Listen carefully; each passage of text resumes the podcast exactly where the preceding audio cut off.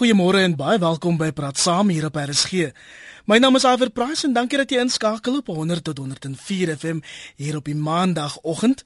Ons hoor elke dag dat spesifiek wit mense swaar trek in die nuwe Suid-Afrika. Baie word weens regstellende aksie oor hoof gesien vir bevordering.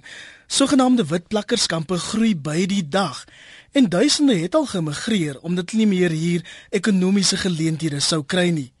Maar nou wys navorsing dat die 1994 verkiesing eintlik ook wit mense bevry het. Dit gaan op soveel gebiede goed met wit Suid-Afrikaners en dit veral omdat hulle geleenthede rondom entrepreneurskap aangegryp het. Vanoggend wil ek by jou hoor strook jou ervaring met die navorsing dat wit mense tog relatiewe ekonomiese vooruitgang beleef. Dalk het faktore soos juis regstellende aksie jou gedwing tot entrepreneurskap. Is vryheid regtig so goed vir besigheid? My gas vanoggend is Frans Cronje, die uitvoerende adjunkhoof van die Suid-Afrikaanse Instituut vir Rasseverhoudinge. Môre Frans. Môre Frans. Goeiemôre. Frans, môre, ek moet sê julle navorsing verskil lynreg met die stories wat 'n mens elke dag hoor en beleef. Ja, kyk, dis baie die geval vir ons. Ehm um, moet net gou verduidelik wie ons is. Ons is 'n uh, 'n navorsings- en beleidsorganisasie gestig in die laat 1920s. Vandag is ons 'n span van omtrent 40 ontleeders en ons doen sosio-ekonomiese navorsing en en beleidswerk reg oor die land en in enige beleidsarea ehm um, en dit gebeur redelik gereeld dat wanneer ons uh, diep in 'n ding in kyk of die navorsing doen dan sien ons dat wat mense voorheen geglo het daaroor nie noodwendig ooreenstem wat uh, met wat ons in die tendense en die data raak sien nie. En dit was nou weer eens die geval. Gister in in City Press het ons die navorsing gepubliseer wat wys dat ehm um, wat Suid-Afrikaners eintlik 'n mate van ekonomiese vooruitgang beleef het na 1994 en dat vlakke van werkloosheid en armoede en so aan ons sal alles daaroor gesels nie die hoogtes ingeskiet het nie. Frans, ek wonder hoe maak dit sin? Jy weet, dis vir my 'n moeilike bitterpil om te sluk. Navorsing wys dan ook dat armoede en werkloosheid heelwat onder wit mense toegeneem het. Ja, kyk, on, ons ons hoor baie daarvan en en dit gereeld so aan ons gestel, maar maar kom ons kyk net gou na na sekere van die syfers en so aan wat ons wat ons nou genavors het en gepubliseer het. As as ons begin by wat in die skole op universiteite gebeur. Um in 1994 of uh, was dit die geval dat omtrent 75% van wit Suid-Afrikaners 'n matriek gehad het en so 10% of so van die wit bevolking het uh, enige hoër onderwys gehad. Ehm uh, teen verlede jaar was dit die geval dat amper alle wit Suid-Afrikaners uh, hulle matriek geslaag het of of aangegaan het om matriek te slaag. En en vir ons redelike verstommende syfer 60% van wit Suid-Afrikaners tussen die ouderdom van 20 en 24 was bedrywig met uh, hoër onderwys. So die vlak van onderwys en toegang tot onderwys het eintlik redelik toegeneem uh, sedert 1994. Ek dink dit is 'n eerste 'n soort van 'n beginpunt. Ons het dan bietjie verder aanbeweeg. Wat wat gaan aan in die arbeidsmark? Dit word ons gereeld gesê in die social media en so aan en om die braaivleis vuur dat dit dit so agteruit gaan en so moeilik is en En ons het gevind dat uh, die die werkloosheidssyfer vir wit Suid-Afrikaners het wel gestyg na 1994 van so 3.7% tot so 6%. Maar wanneer ons dit nou vergelyk met met byvoorbeeld swart Suid-Afrikaners, uh, verlede jaar wit Suid-Afrikaners se werkloosheidssyfer is daar 6%. Swart Suid-Afrikaners heelwat hoër teen 30%, maar maar meer en, en eintlik verbasend vir ons was, was toe ons raak sien dat werkloosheidssyfers in ontwikkelende lande, Europa, Noord-Amerika en so sit so tussen 7, 8, 9%. Ehm um, en dat die werkloosheidssyfer vir wit Suid-Afrikaners eintlik laer is as die van baie ontwikkelende lande. Dis interessant Frans, ek ek wil hê ons moet dit vanoggend hier op praat saam van 'n kant af, so stuk vir stuk deurwerk. Jy het nou verwys na iets basies soos 'n matriekkwalifikasie. Hmm. Hoe verskil dit met ander rasse? Ons weet jy sê dat dit toegeneem onder wit mense. Ja, en nee, kyk as jy ehm um, dit is nou die geval dat dat 'n wit kind in die skoolstelsel sal sy matriek kry. 99% kans daarvan. As jy 'n swart kind is, is daar 'n 50% kans dat jy jou matriek gaan kry. Ek sou sê die syfer is eintlik eh, is effens minder omdat daar soveel is wat wat nie hulle skoolloopbane voltooi nie. So op op daai basiese vlak van onderwys, ehm um, sien ons hoe wat Suid-Afrikaners eintlik heelwat voor van, uh, is in terme van hulle swart medeburgers. Maar dan ook baie belangrik dat dat op daai uh, maatstaf van matriek is wit Suid-Afrikaners vandag heelwat meer geneig om 'n matriek te hê as wat die geval was ehm um, uh ter midde van die veranderings van 1994. 3343 elke SMS kos jou R1.50 of bel ons by 089 1104553. Ons vra vanoggend is vryheid regtig so goed vir besigheid? Ek wil veral van jou hoor as faktore soos regstellende aksie jou gedwing het tot entrepreneurskap. Met ander woorde om jou eie potjie te probeer krap en ek weet baie mense doen dit baie goed. Connie van Gouritsmin skryf op www.rsg.co.za. 'n Nuwe gepolariseerde gemeenskap kom na vore met verskille tussen ryk en arm ongeag ras, geslag en geloof.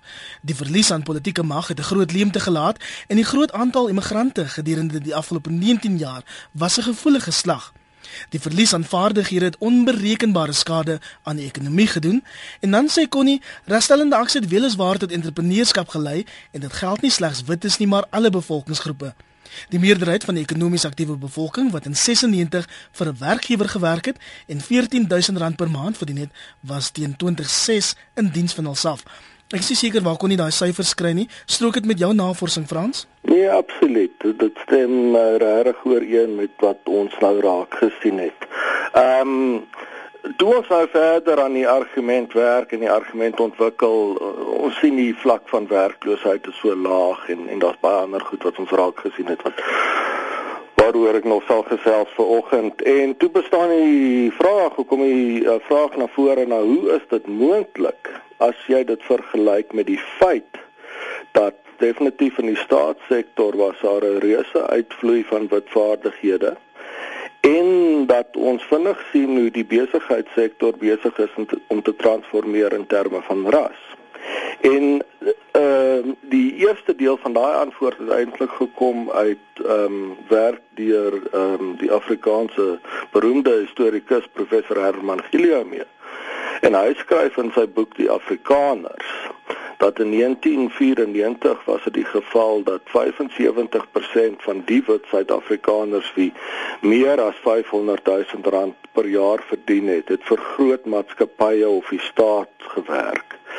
Hy gaan aan en sê teen 2009 was dit daai syfers heeltemal omgedraai. Toe was dit die geval dat 75% van wit Suid-Afrikaners wie nou teen 'n soortgelyke vlakke salaris of inkomste verdien het, het vir hulself gewerk of in baie klein besighede en maatskappye gewerk. So dit stem definitief ooreen met met wat jy nou uitgelees het dat ehm um, die verklaring van hoe dit moontlik is dat dinge nog steeds redelik goed gaan met wat Suid-Afrikaners ten spyte van die uitvloei uit die staatssektor en die rasse transformasie van die groot besigheidssektor is dat mense beweeg tot entrepreneurskap. Ehm um, ek het toe aan aan sekere van my navorsers die taak gestel om te sien of hulle dit verder kan bevestig met uh, data en inligting want dis nou mos hoe ons werk en en hulle het tevore gekom met 'n baie interessante statistiek. Hulle het gevind dat vandag is die geval as jy is 'n swart Suid-Afrikaner is wat nou 'n graad kry. Sal jy jy 'n groter kans om binne jou eerste 12 maande nadat jy graad gekry het te werk te kry, maar 'n wit Suid-Afrikaner met daardie graad is 4 keer meer waarskynlik om 'n besigheid te stig. En ek dink dit lei vir ons nou verder in die paadjie in die rigting van entrepreneurskap af. As die verklaring die rede hoekom ehm um, dinge in die wit gemeenskap nie uh, noodwendig op 'n ekonomiese vlak agteruit gegaan het oor die afgelope 15 jaar Dit strook omtrent met wat Willie van Middelburg sê. Hy sê ek is in my middel 40s en het op die ouderdom van 35 eers gaan swat. Ek het 'n erkende kwalifikasie bekom en as gevolg van regstellende aksie genoodsaak om my eie besigheid te begin. Die besigheid is suksesvol en ons is regtig geseënd met goeie en vol, volhoubare kontrakte. Ek gee tans werk aan sewe ander mans in dieselfde situasie. Daar is geleenthede, ons moet dit net raak sien. Kom ons neem ons eerste oproep van môre. Goeiemôre aan Dr Mulder in St Francis Bay. Hallo. Môre dokter Mulder, u glo dit draai om individue. Hoorie, laat ek net regstel as dokter Bouwer. Ek is eintlik daar van die Limpopo. Ek dink die Afrikaner het presies dieselfde deurgegaan in 1899 met die Engelse. Dit was net wit teenoor wit.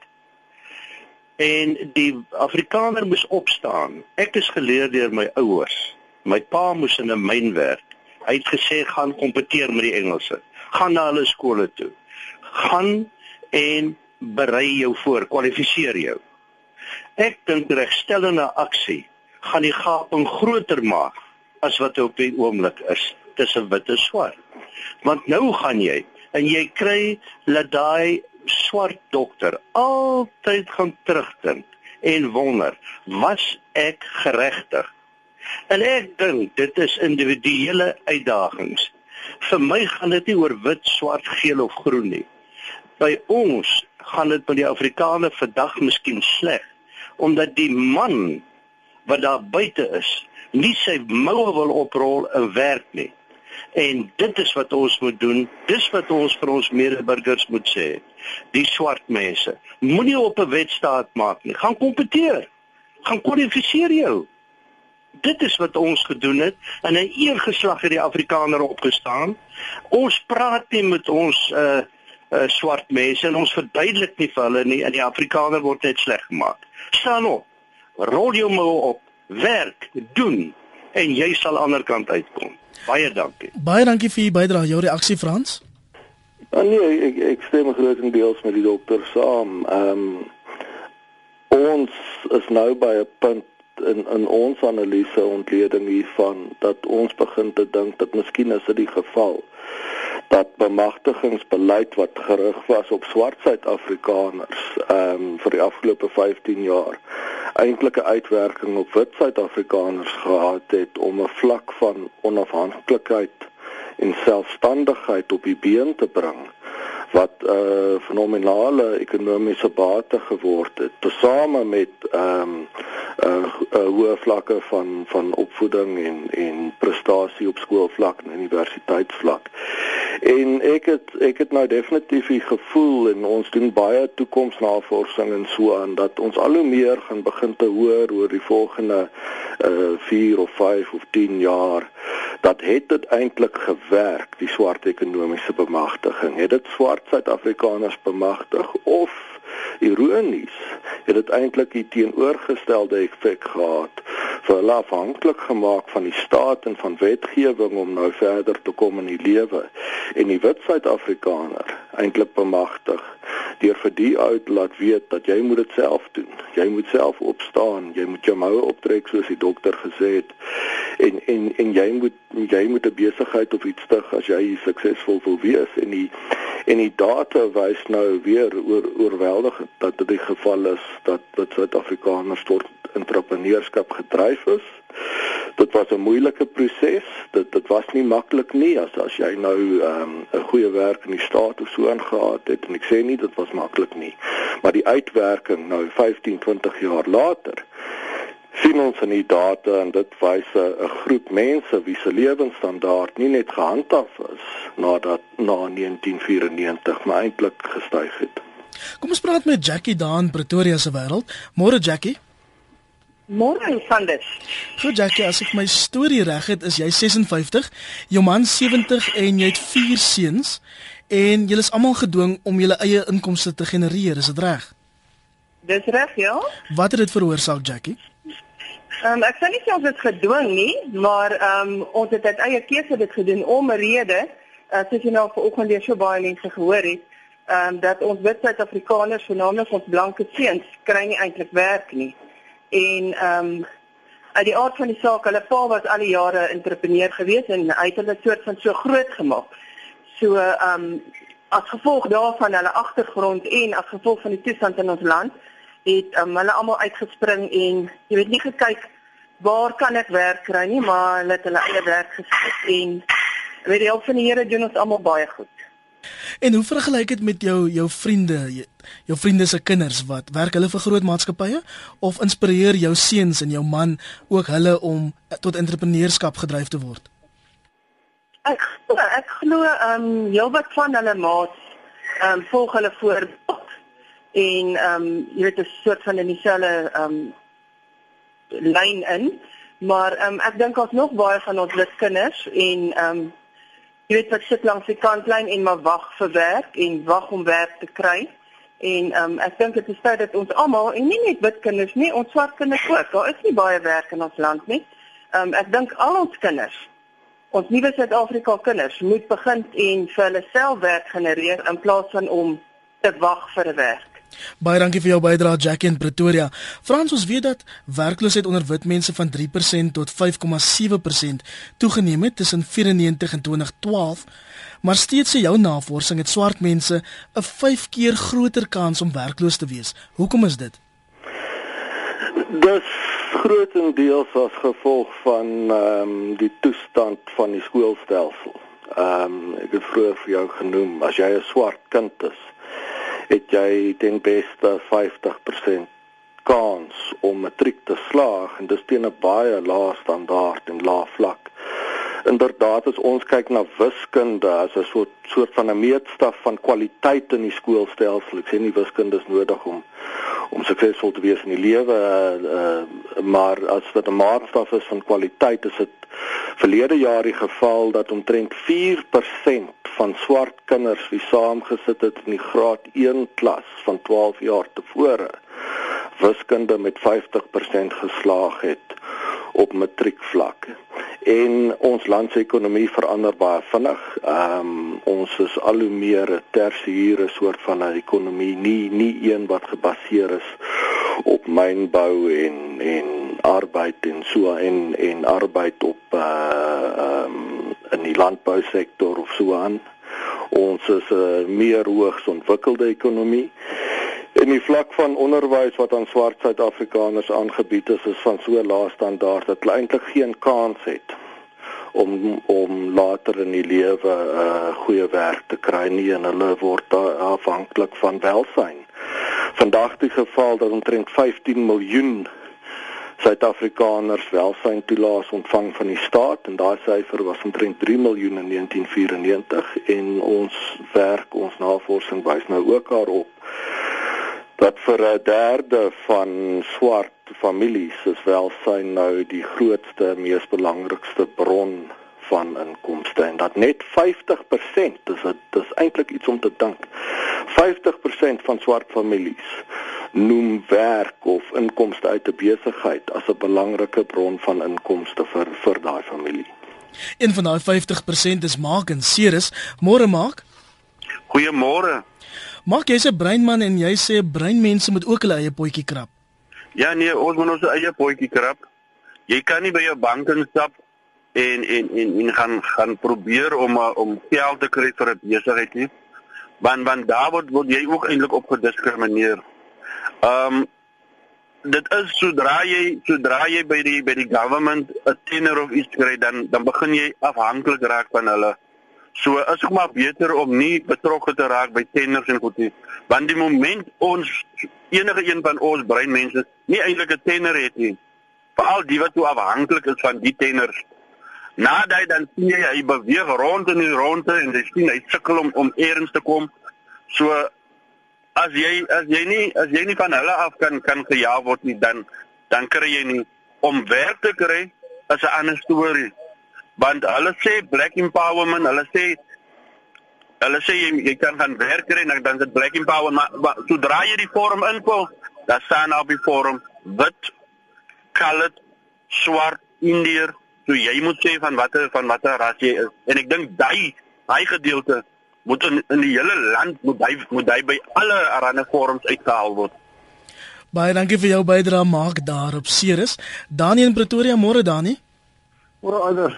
Dani, dankie vir die lank aanhou. Jy sê wit mense het wakker geskrik. Wat het dit veroorsaak? Ja, weet jy, ek dink dit is maar die die situasie in die land en ek stem saam met van die vorige inbellers wat sê hierdie die regstellende aksiewet. Ehm um, jy weet op die boeke dit baie daarmee te doen. Ons het op stadium besef maar ons is in die moeilikheid dat ons nie 'n plan gaan maak nie.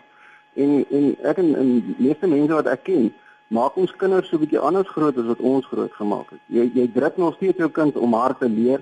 Jy druk nog steeds jou kind om 'n kwalifikasie te gaan kry. Maar jy sê vir hom daai kwalifikasie moet jy nie iets gaan doen, gaan werk skep, nie gaan werk soek nie. So jou vraag die hele tyd is wat wat gaan ek doen om ander mense werk te gee? Ek het, ons het ons kinders byvoorbeeld van kleins af gesê maar hier is jou sakgeld, die res moet jy voorsien. En hulle verkoop fudge en as hulle 'n geleentheid kry, doen hulle ietsie vir 'n ekstra geld. So hulle hulle dink heeltemal anderster as wat ek byvoorbeeld gedink het toe ek kind was. Ek het gedink leer hard en kry werk en dan gat jy.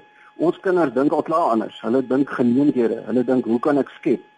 En en ek dink regtig dit is eh, ek, ek stem saam met daai maar die vorige inbelling wat ook gesê het die die, die teenprestasie van die herstellende aksiewette is dit hou die swart man ehm um, onderdanig. Dit hou hom minderwaardig want hy hy hy, hy kom nooit op die punt van ek moet kompeteer vir hierdie ding nie. En en ek sien dit baie keer my vrou se werk op die dood eenvoudig omdat sy wit is, eh, moet sy harder werk, moet sy beter gekwalifiseer wees en moet sy meer doen en sy is die hele tyd onder druk omdat sy wit is. En en as jy nou daai ding gaan omdraai, die die die, die regering sê vir die swart mense in Suid-Afrika, jy's nie goed genoeg nie. Nie bekommerd wees nie of jy jouself moet weet. Ons weet jy's nie goed genoeg nie en ek dink tot hulle dit gaan verander, gaan produktiwiteit en alle ander dinge in Suid-Afrika nie regkom. Baie dankie vir jou bydrae daar, Dani. Frans, twee uiteenlopende reaksies. Wat is jou reaksie? Kyk, ek vertel altyd die storie van ehm um, Clem Santer, die beroemde toekomsontleder wie die high road low road scenario's ontwikkel het in die 1980s en 1990s en die vraag is die een keer aan hom gestel, ehm um, hoe kan jy 'n staatsamptenaar vat en van hom 'n entrepreneur maak? En die joernalis het nou so van geluister na wat is die die soort van 'n slim antwoord die van Klem met al sy ondervinding en besigheid en, en Klem se antwoord was briljant. Hy het gesê jy fire vir hom dis al wat jy hoef te doen. En ek dink dit is definitief ehm um, wat nou hier gebeur het onder die wit bevolking in die in die afgelope 15 jaar nie nat nat almal gefire was maar dat ehm um, hulle tot 'n punt gekom het waar hulle besef het dat ons moet op ons eie voete staan. Ons moet onafhanklik wees van die staat. Daar was 'n hoë vlak van afhanklikheid op die staat oor die vorige 50 jaar. Alhoewel daar ook uh, hoë vlakke van entrepreneurskap was. En ek dink hulle tot die punt gekom waar hulle besef het ehm um, gaan nie noodwendig 'n maklike ehm um, ervaring hê in terme van beleid onder die ANC regering. Uh toe kom die bemagtigingsbeleid in werking en die regstellende aksie en so aan en ek dink dit het ehm um, 'n reaksie aangehits wat eintlik baie positief was. En weer eens ironies, miskien 'n voorbeeld ge geword het vir die res van die land dat is dit moontlik dat 'n staat vir 'n mens kan bemagtig deur beleid of word mens eintlik net bemagtig as jy besef dat jy moet op jou eie voete staan jy moet jou eie besighede stig jy moet verseker dat jou kinders opgevoed word tot, tot so hoë vlak as moontlik en dat jy as mens as individu verantwoordelik is vir jou omstandighede. En as ons nou uh, deur die land kyk en jy kyk na die vlak van protesaksie ehm um, weer eens ons navorsing wat wys dat daar nou 'n gemiddeld van 4 wat genoem word diensleweringprotesaksies elke dag is deur die land en nie. Gauteng se polisiekommissaris het 'n week gelede gesê hy het te doen met 16 protesaksies 'n dag in Gauteng dan dink ons dink ek sien ons 'n reaksie onder ons swart medeburgers wat wys dat hulle al hoe meer frustreerd is deur hulle regering se mislukte pogings om vir hulle te bemagtig en in terme van verbeterende lewensstandaarde en werk en opvoeding en so aan. En uh, die goed vat altyd baie lank om te verander, maar uh, daar die voorbeeld dink ek en die data wat ons nou gister in City Press uitgewys het van van net hoe voortvarend uh, wat Suid-Afrikaners wel is ten spyte van beleid wat nie altyd ten gunste van hulle is nie, word miskien die nuwe voorbeeld van hoe dit moontlik is om die land om te draai om hoër vlakke van belegging en werkskepping te bevorder en op die ehm um, langtermyn 'n middelinkomste land te word. Ek wonder of dokter Pieter Mulder met jou gaan saamstem daar op Potchefstroom. Môre dokter Mulder. Goeiemôre Iwer. Wat is u reaksie? Iwer, ek stem uh, ongelukkig of gelukkig jy wil saam met Frans. Ook dat dit eintlik uh, die werklikheid is dat die Afrikaners spesifiek wat eintlik die staatsie so 'n groot mate beheer het en hom suksesvol gemaak het uit is en uitgedryf is op rassegronde en uh, geforseer is nou om na homself te kyk. Nou dit het 'n soort van gevolge gehad dat hy geforseer is om entrepreneur te word. En ek dink dit verklaar ook die navorsing wat sê skielik hoër kwalifikasies. As jou kind nie matriek het nie, is dit nog geen kans vir hom nêrens nie as hy nie hoër kwalifikasie het, dit nie moeilikheid nie. Ek dink dit verklaar daardie twee. Maar ek wil wel een kwalifikasie bysit. Ek wil sê as jy na Frankryk kyk, Amerika, enige land kyk, almal het nie dit nie vermoë om 'n entrepreneur te wees nie. Jy het altyd 'n sekere persentasie in dit wissel wat eintlik 'n sekuriteitsbeampte se goed bedoelde of 'n veiligheidsdiens of by korrektiewe dienste moet werk. En dis waar maak reg is. Bruin en wit tans. Daardie mense kry ek in die plakkerskampe. As ek die 88 plakkerskampe, wit plakkerskampe rondom Pretoria besoek, is 'n ou ambulansbestuurder of 'n ou sekuriteitsbeampte wat net nie vermoë het om vir homself te kan entrepreneur wees nie en dis die nuwe armes na al kante toe. Ek wil een punt bymaak net, jy weet ons het amper 'n miljoen mense as dit nie meer is in die verloor na die buiteland. Dit was ons topkundiges geweest. En die navorsing wys so kundige kan elkeen ten 8 werkgeleenthede skep.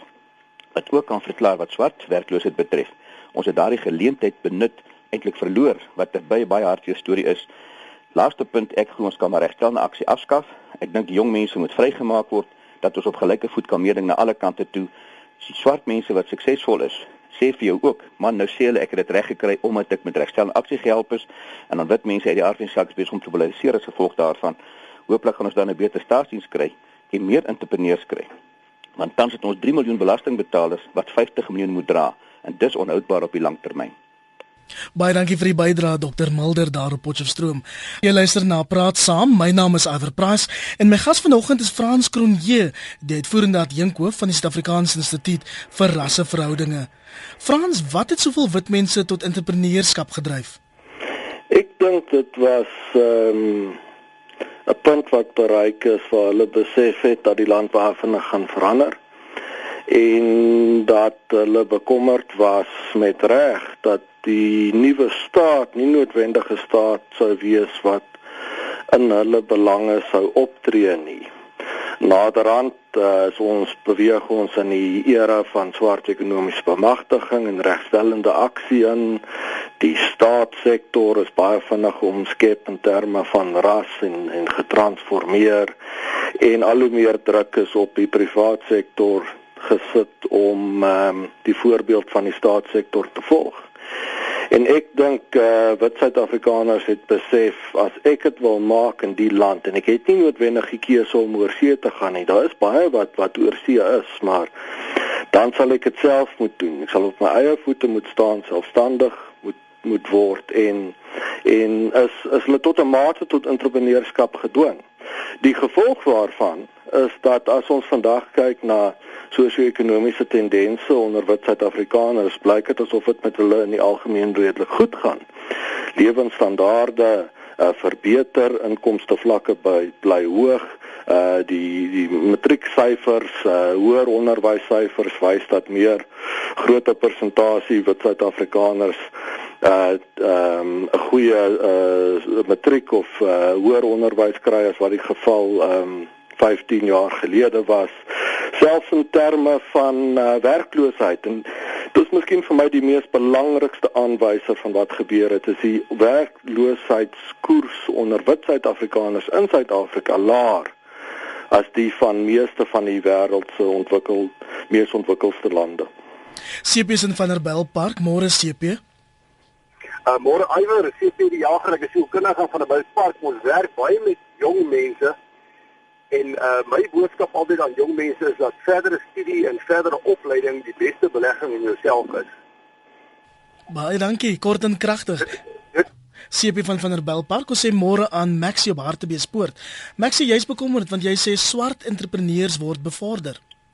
Uh Ja, ja, Iver, ek stem def, ek stem definitief vir hierdie punt, want as ek vir jou sê, ek het kinders wat hier in Suid-Afrika was, my een skoonseun het ook sy eie besigheid begin. Hy het goed gedoen voordat hierdie regstellende aksie ingekom het. Hy het goed gedoen en toe die regstellende aksie inkom, toe moes hy anders kleuriges in sy besigheid aanneem en hy het hy het een hy was 'n eenman saak. Toe moes hy ander aanneem wat sy werk moet doen en hy moes hulle betaal om die werk te doen, maar ewe skielik het hulle toe ook weer besluit nee, hy hy's aan die hoof en hy's 'n blanke entrepreneur ons skakel hom uit. Hulle gee nie meer vir hom werk nie. Toe het hulle moes later het hulle Australië toe verhuis.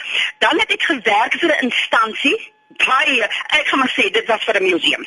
Alle aankope wat ons gedoen het daardie tyd, ons moes 'n lys opstel.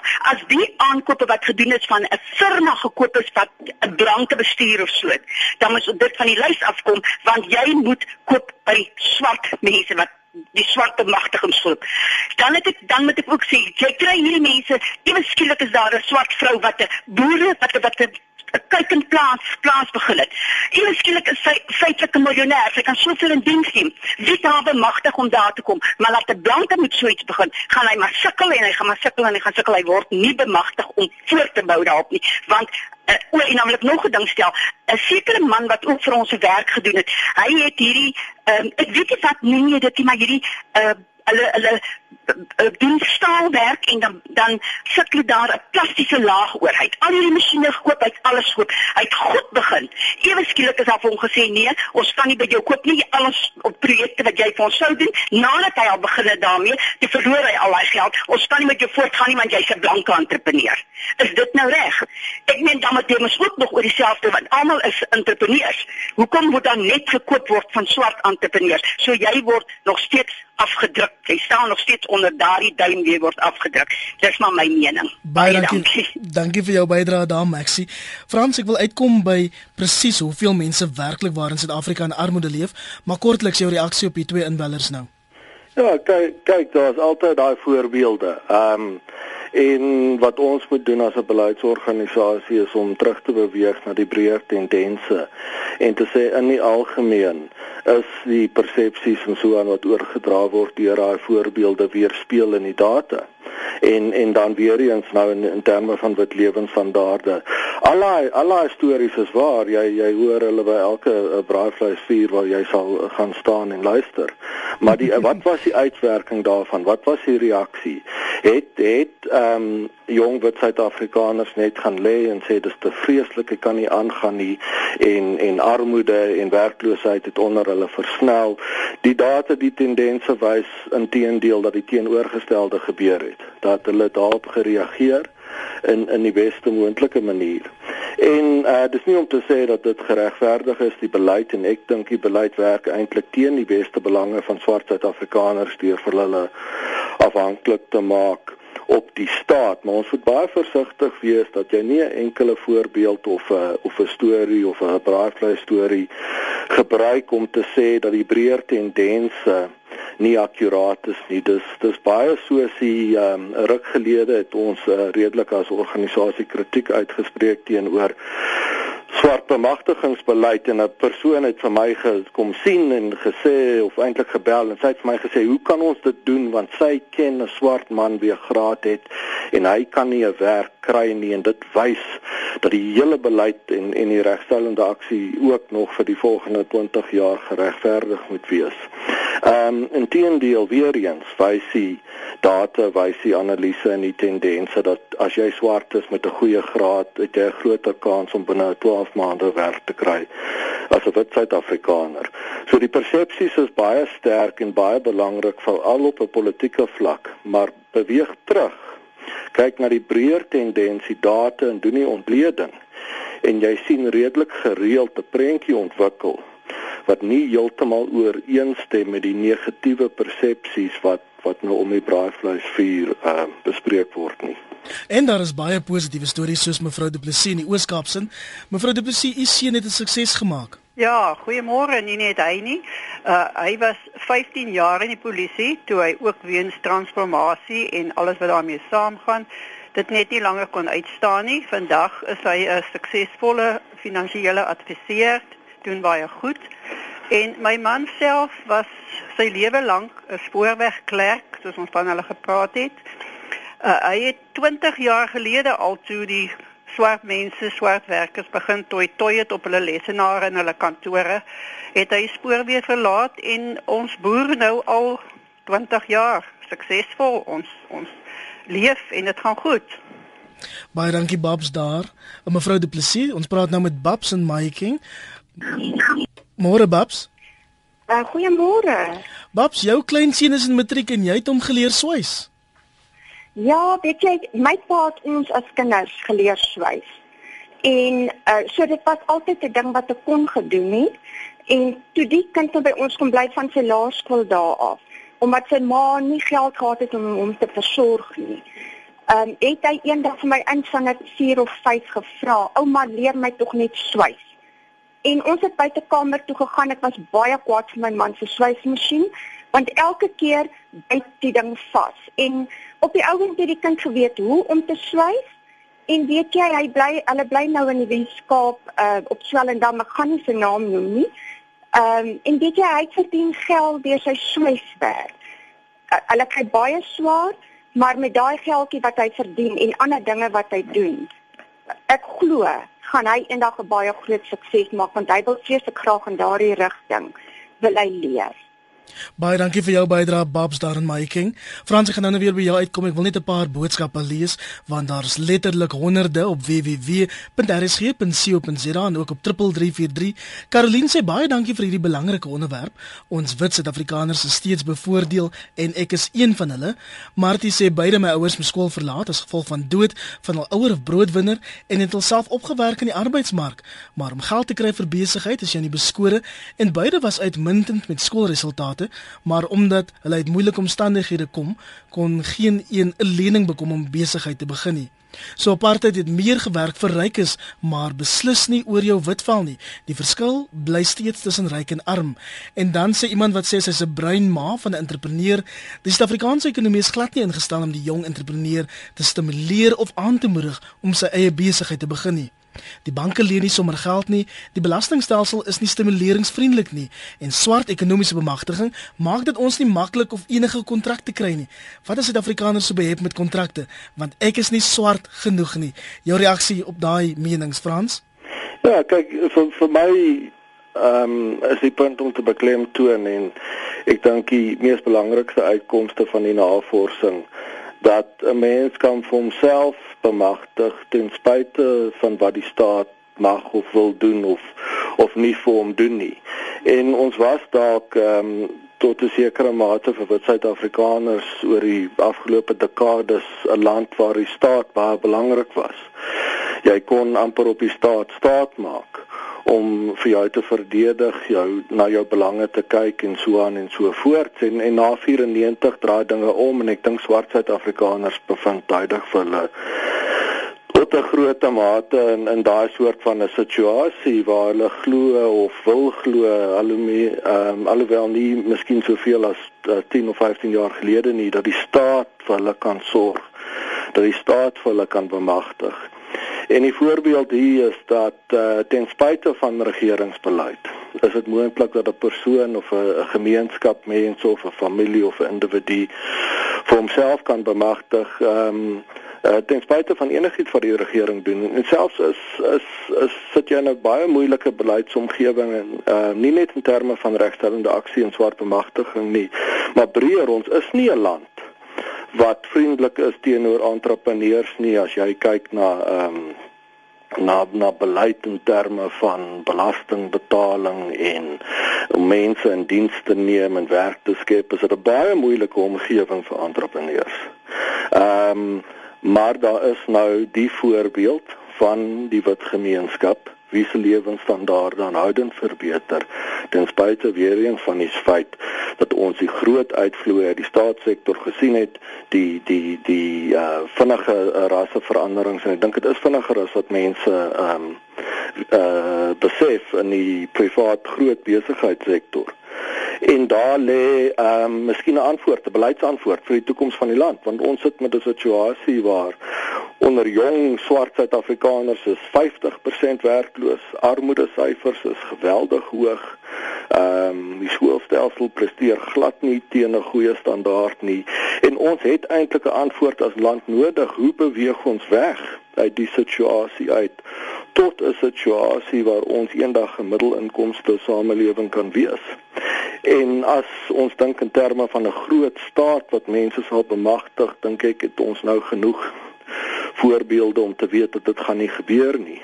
Miskien ironies weer, moet ons kyk na die ervaring van die wit gemeenskap oor die vir afgelope 15 jaar. En daarin lê nie net 'n antwoord vir hulle nie, maar 'n antwoord vir ehm um, baie van hulle medeburgers in die res van die land dat mens homself individu homself kan bemagtig as hy besef dat dit die enigste moontlike uitkoms is om 'n middelklas lewensstandaard te handhaaf. Jy luister na Praat Saam op RSG. Jy kan aan vanoggend se gesprek deelneem deur 'n SMS te stuur na 3343. Elke SMS kos jou R1.50 of bel ons by 0891104553. Jy is ook welkom om 'n tweet aan my Iver Price te stuur. Chester the Toy tweet. Hy sê um, wit mense was altyd vry in alle opsigte en hul voordele selfs vandag is meer as alle ander rasse want hulpbronne is nie skaars nie. Maar dan sê Penelope Grobler op Twitter, sy sê Iwer, snaaks genoeg hoe jou gas so bog kan praat, dis nou jy Frans. Daar is al 'n miljoen wites wat in plakkerskampe bly. Verduidelik dit. En dit bring my aan, aan my vraag aan jou, Frans. Het jy syfers oor hoeveel mense werklik waar in Suid-Afrika in armoede leef?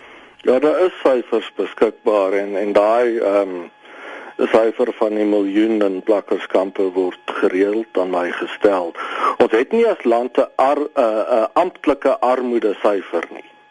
Uh so daar's twee syfers wat ons gebruik. Die eerste een is mense wie teen 2 dollar 'n dag oorleef. Ehm um, dis heidig net so 5% van die hele samelewing in die land en ons is eintlik 'n land wat wegbeweeg het van daai vlak van armoede af.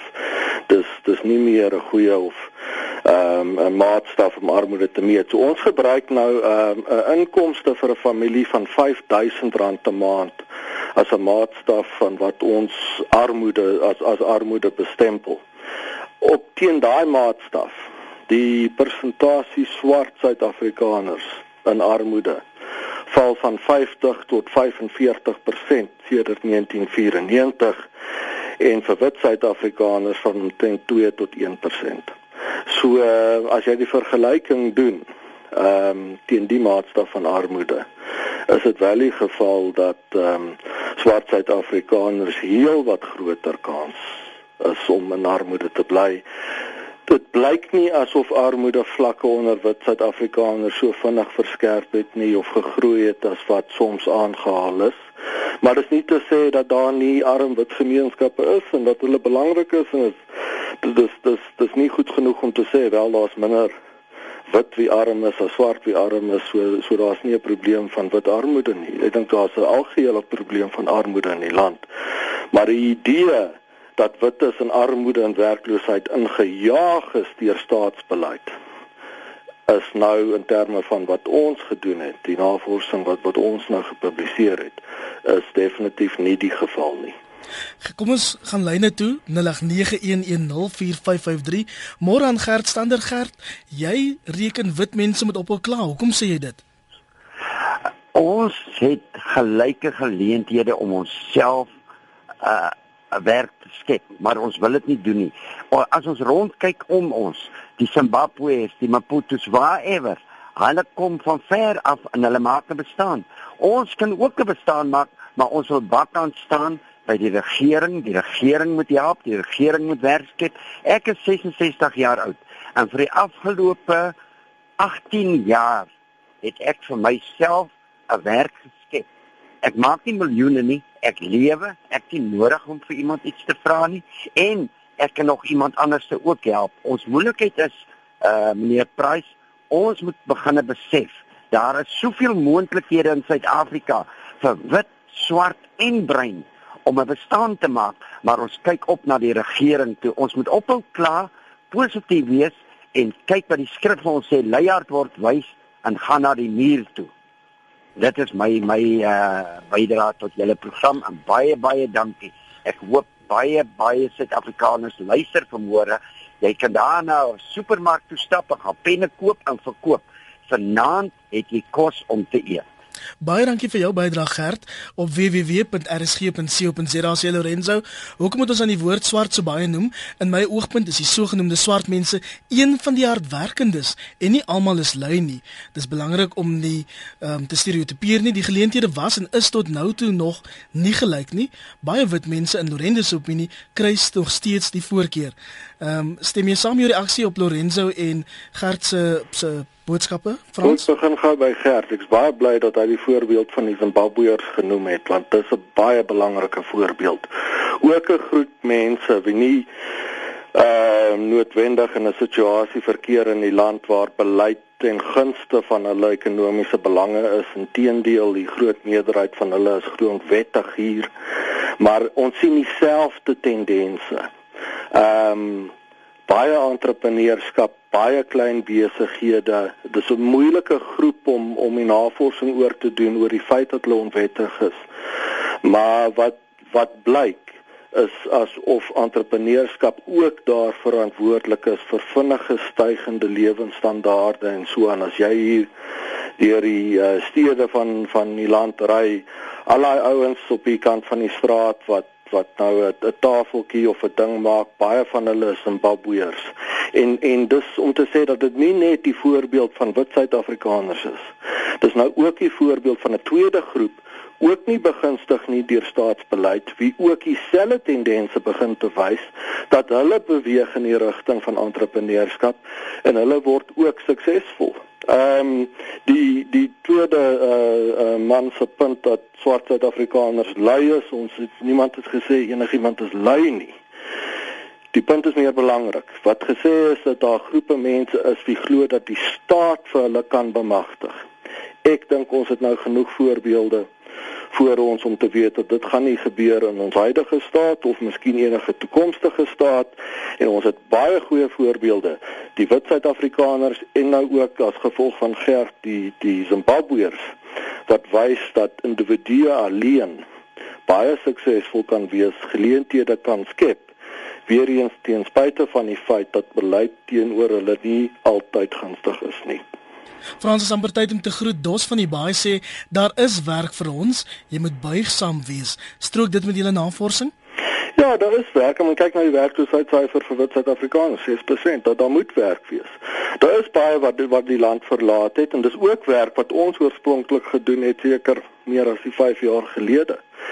En en van diegene wie nou kritiek teenoor ons argument uitspreek, uh, sê miskien aan my wel wat sou gebeur het as al daai wites nie die land verlaat het nie, sou hulle nie werkloos geraak het nie, arm gewees het en plakkerskampe gebly het. En en mense sal nooit weet nie. Maar ek dink die voorbeeld, die navorsing, die tendense wat ons hier gesien het, die beide die Zimbabweërs en die wit Suid-Afrikaners is dat terwyl baie van hulle sou gesukkel het en dit, dit was moeilik as jy 'n staatsamptenaar is en jy het jou pos verloor of jy's uitgestoot was dit was dit 'n baie moeilike tydperk. Hoe gaan jy vir jou familie sorg en so en hoe kan jy besigheid op die been bring?